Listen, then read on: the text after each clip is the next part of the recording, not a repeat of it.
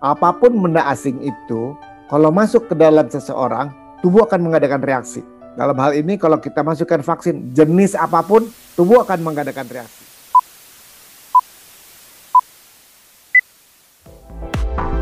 You're listening to KBR Prime, podcast for curious mind. Enjoy. Podcast AADC. Podcast AADC. Ada apa dengan COVID-19? Segera dimulai.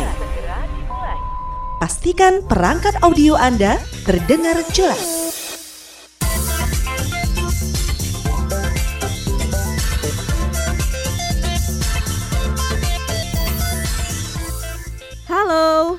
Saat ini kamu sedang mendengarkan podcast AADC. Ada apa dengan COVID-19 yang dipersembahkan oleh Kementerian Kesehatan Republik Indonesia?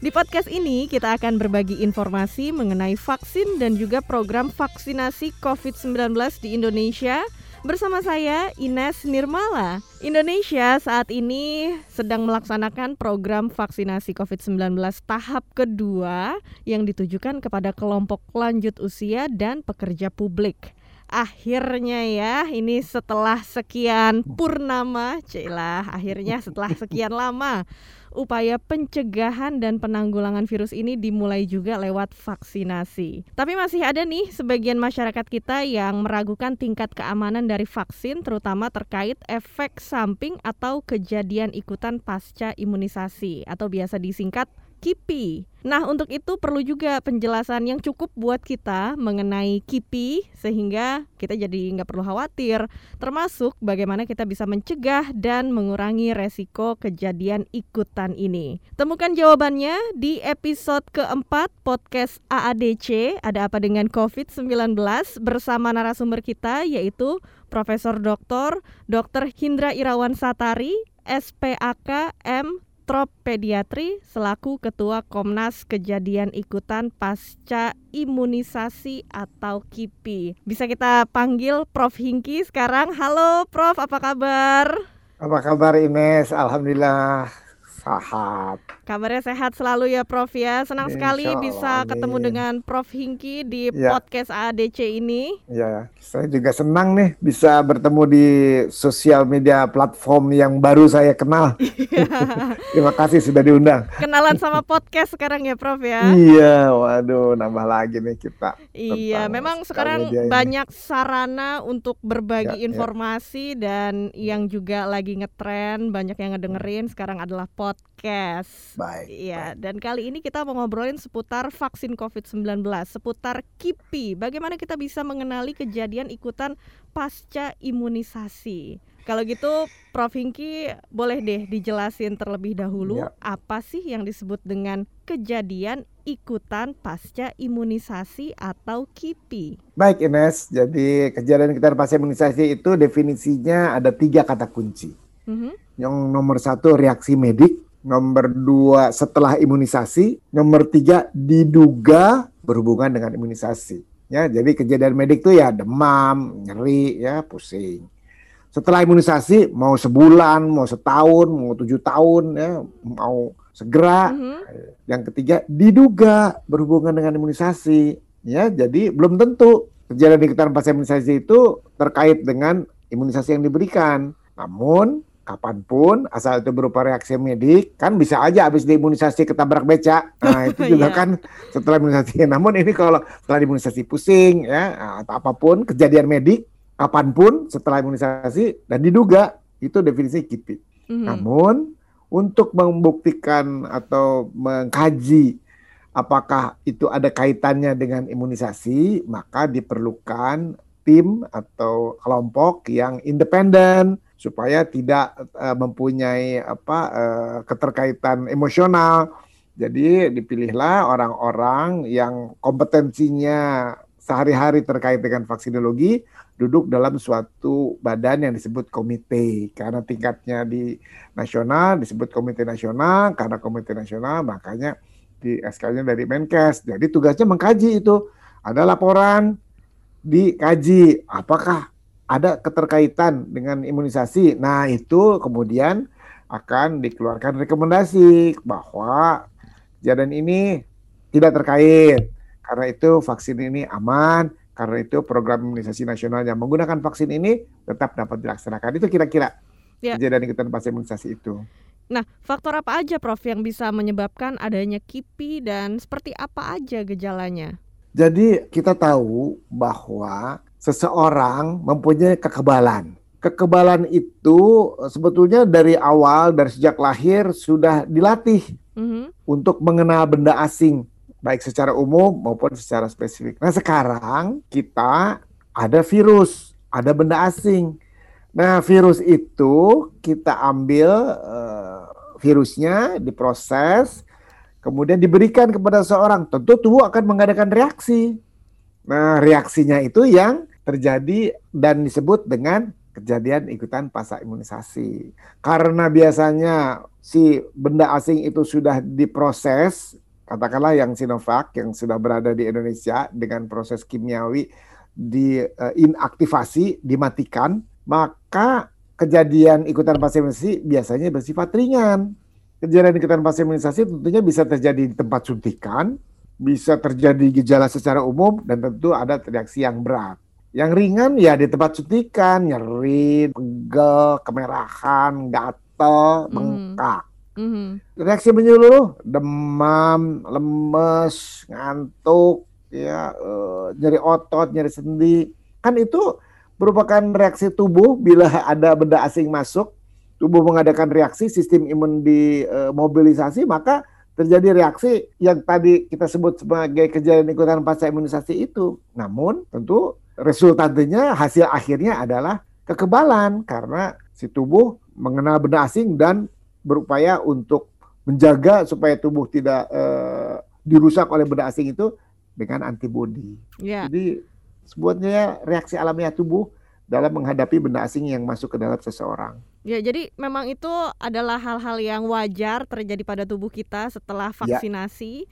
tapi nggak ada dampak atau resiko terhadap kesehatan tubuh kita ya, Prof ya? Tentunya yang dimasukkan adalah sesuatu benda asing yang dirancang agar merangsang sistem kekebalan untuk membentuk antibodi. Jadi nggak mungkin kita memasukkan yang masih perkasa ke dalam seseorang, yeah. pasti kita sudah memodifikasi, ya mendesain sehingga yang dimasukkan itu sudah tidak aktif, tapi dia tetap bisa merangsang seseorang untuk respons kekebalan membentuk antibodi. Jadi nggak mungkin yang kita suntikan justru menyebabkan sakit. Jadi nggak mungkin kita baca di Medline setelah divaksinasi sakit COVID. Ya pasti bukan dari vaksinnya.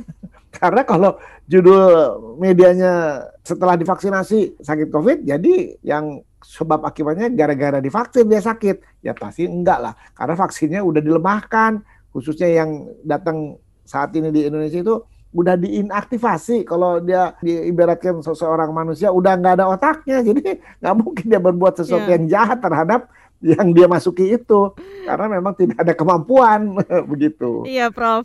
Nah, jadi memang kita ketahui nih dari Prof Vinky kalau memang tujuannya vaksinasi adalah untuk membuat tubuh kita kebal terhadap penyakit tertentu ya, Prof ya. Betul, spesifik. Jadi kalau kita tanya lagi nih, Prof, vaksin itu berpotensi menyebabkan KIPI nggak sih? Apakah semua vaksin akan menimbulkan kejadian ikutan pasca imunisasi? Jadi tentu saja tadi saya telah sampaikan apa pun benda asing itu kalau masuk ke dalam seseorang tubuh akan mengadakan reaksi. Dalam hal ini kalau kita masukkan vaksin jenis apa pun tubuh akan mengadakan reaksi. Reaksinya bergantung kepada kepekaan seseorang ada yang sensitif, ada yang bebal, ada yang kuat, hmm. ada yang uh, perasa, uh, dan juga ada yang punya bakat alergi atau udah mempunyai penyakit dasar yang lain. Jadi memang reaksinya berbeda-beda. Namun kan itu sudah diamati pada waktu vaksin itu dirancang. Kan ada fase 1, ada fase 2, fase 3. Ada fase 1 yang melibatkan puluhan orang, udah di uh, amati nih apa yang terjadi. Fase 2 ratusan orang udah diamati yang terjadi. Fase 3 ribuan orang, puluhan ribu orang udah diamati. Jadi dalam pengamatan itu terlihat kejadian ikutan pas imunisasinya ringan, sembuh sendiri, atau sembuh dengan pengobatan tidak berbahaya. Karena itu barulah dikeluarkan registrasi atau dalam keadaan emergency ini emergency use authorization. Setelah diamati dari penelitian-penelitian itu vaksin ini memang ada kejadian keterpaksa imunisasi namun proporsinya sangat rendah dan tidak berbahaya sehingga akhirnya dipakai dan diberikan dalam jumlah yang sekarang nih jutaan orang. Ya kalau yeah. Indonesia kan rencananya 180 juta dosis. Demikian kira-kira iya Prof Ines. Terus uh, yang paling rentan untuk mengalami KIPI, apakah memang setiap orang itu bisa mengalami adanya potensi mengalami KIPI? Ya, kalau potensi sih ya setiap orang, setiap makhluk hidup ya pasti.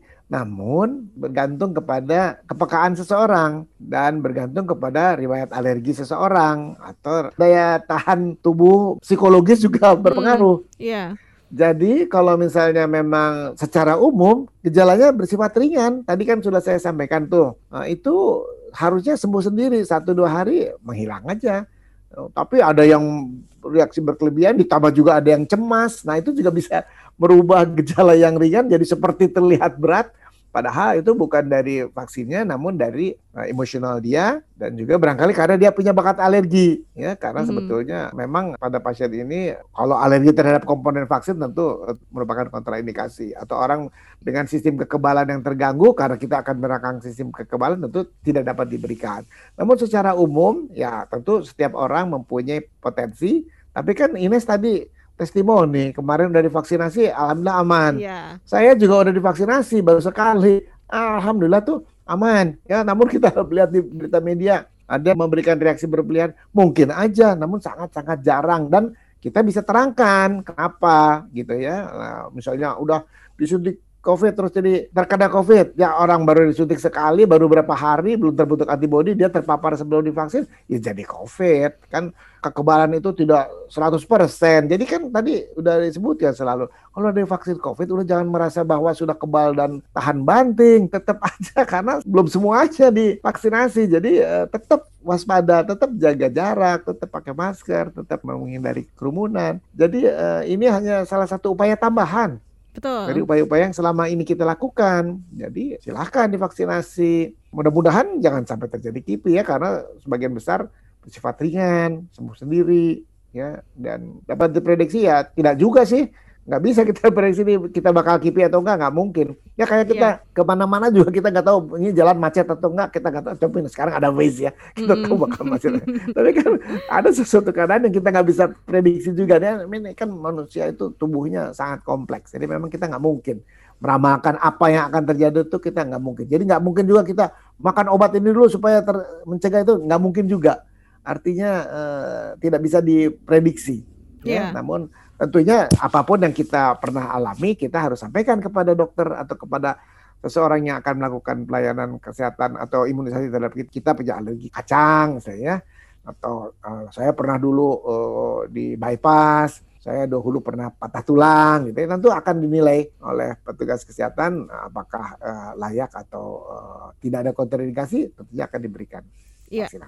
Nah, ngobrol seputar vaksinasi COVID-19, sebelumnya saya juga mau cerita dulu nih buat yang ngedengerin podcast kita juga. Kalau kita ini di KBR ya, teman-teman di KBR sudah ada beberapa yang mendapatkan vaksinasi COVID-19 baru aja satu hari yang lalu gitu ya, satu hari sebelum kita ngerekam podcast ini, kita bareng-bareng dikasih vaksin COVID-19 dan memang sebelum menuju disuntik vaksin itu ditanya dulu ada kita duduk di meja ditanya ada alergi apa gitu ada sempat ngejalanin operasi atau enggak ngalamin penyakit apa gitu. Jadi kita diwawancara dulu nih sebelum kita disuntik vaksinasi. Jadi setelah kelar wawancara terus uh, barulah kita diarahkan untuk ke penyuntikan gitu ya Prof ya. Itu juga fungsinya untuk mengetahui apakah nanti ada efek sampingnya enggak gitu ya Prof ya Ya, jadi mengantisipasi mm -mm. bila ada riwayat alergi berat tentu harus hati-hati kita ya, uh, lebih meningkatkan kewaspadaan. Namun kalau misalnya selama ini sehat aja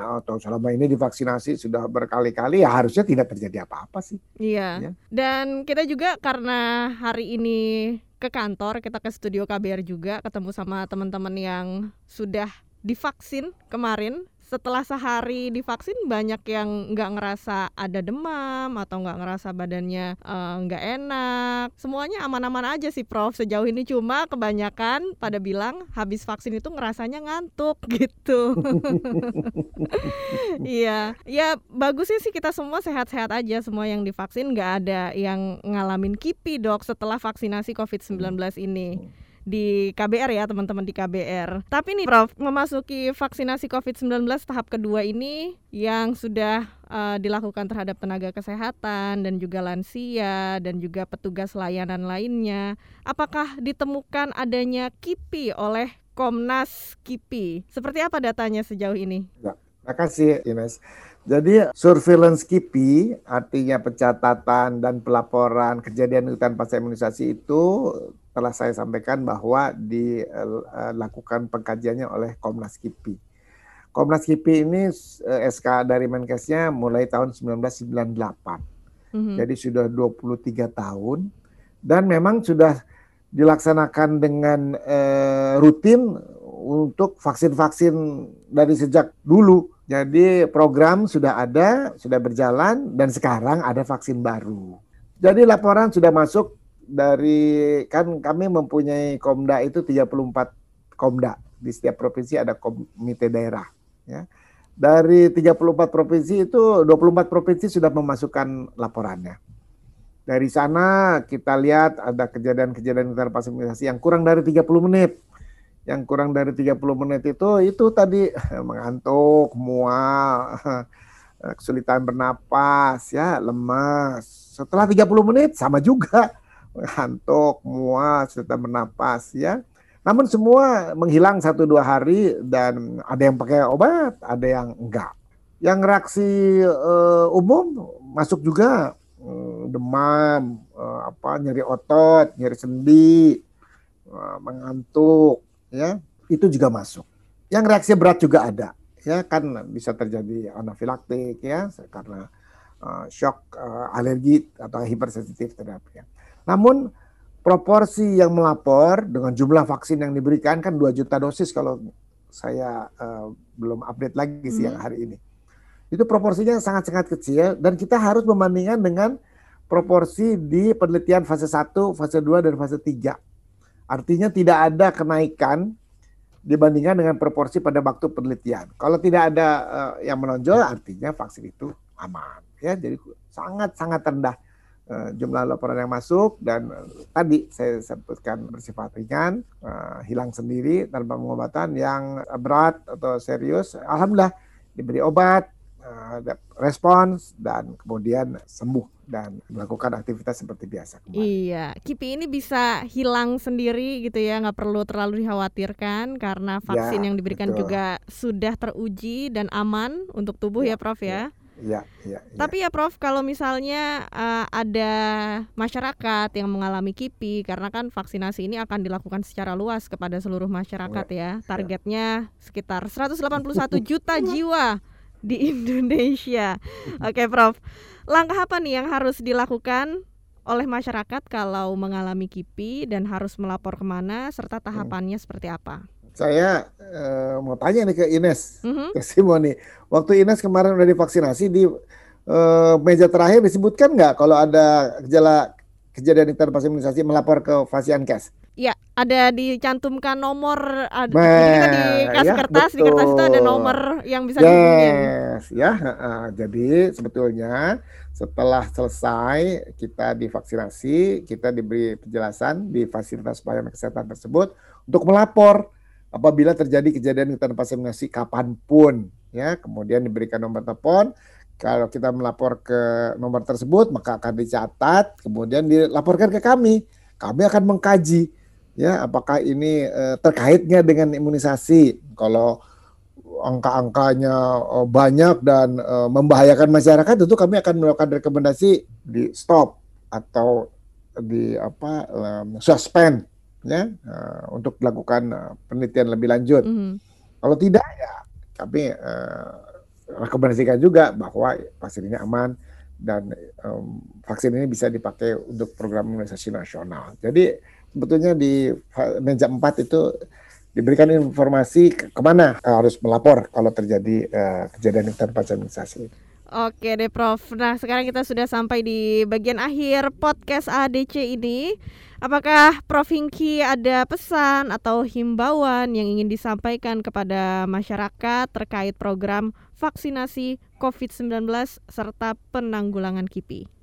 Uh, terima kasih Ines, terima kasih saya sudah diundang, terima kasih saya bisa bertemu komunikasi dengan para uh, pendengar semua bahwa vaksinasi adalah tindakan pencegahan yang sudah ditemukan sejak ratusan tahun yang lalu, telah digunakan dan terbukti efektif. Karena itu dibuatnya pun melalui proses-proses panjang dan rumit dan dipantau secara ketat. Nah, alhamdulillah saat ini kita sudah tersedia vaksin yang insya Allah ya akan melindungi kita dan dalam jangka waktu tertentu. Untuk itu, selain kita melakukan upaya yang telah kita lakukan, kita bergabung upaya tambahan ini. Paling tidak keluarga kita, partner kita, orang tua kita, anak kita cucu kita terlindung. Kalau keluarga kita terlindung, insya Allah keluarga kita tidak menularkan keluarga lain atau keluarga lain menularkan kepada keluarga kita. Kalau semua dimulai dari diri kita dan keluarga kita terlindungi, insya Allah pandemi ini cepat berlalu. Jadi saya uh, anjurkan jangan ragu divaksin, sampaikan dengan benar. Bila ada kejadian kita pasti saya segera laporkan untuk segera ditelusuri apakah terkait dengan imunisasi. Insya Allah vaksin ini aman. Oke, baik Prof. Hinggi, terima kasih atas waktunya sudah ngobrol-ngobrol di podcast AADC. Ada apa dengan COVID-19? Semoga next time kita bisa ngobrol-ngobrol lagi ya Prof ya. Silakan. Oke deh. Dan bermanfaat banget obrolan kita di podcast episode kenali kejadian KIPI dan pastinya kita semua nggak perlu khawatir, nggak perlu takut untuk menerima vaksinasi COVID-19 supaya negara kita bisa segera keluar dari pandemi COVID-19. Untuk informasi resmi seputar COVID-19, kamu juga bisa menghubungi hotline di 119 extension 9 dan untuk informasi kesehatan lainnya, kamu juga bisa follow Twitter at Kemenkesri atau radiokesehatan.kemkes.go.id. Terima kasih sudah mendengarkan podcast AADC, ada apa dengan COVID-19? Untuk ide dan masukan silahkan email ke podcast at kbrprime.id dan tulis di bagian subjek podcast AADC. Jangan lupa juga kamu bisa ikuti podcast yang cocok untuk curious mind kamu di www.kbrprime.id atau platform mendengarkan podcast lainnya. Serta ikuti kami di Instagram kbr.id dan sampai jumpa di episode selanjutnya. Podcast AADC Terima kasih telah mendengarkan podcast AADC. Ada apa dengan COVID-19? Nantikan episode selanjutnya. Dipersembahkan oleh Kementerian Kesehatan Republik Indonesia.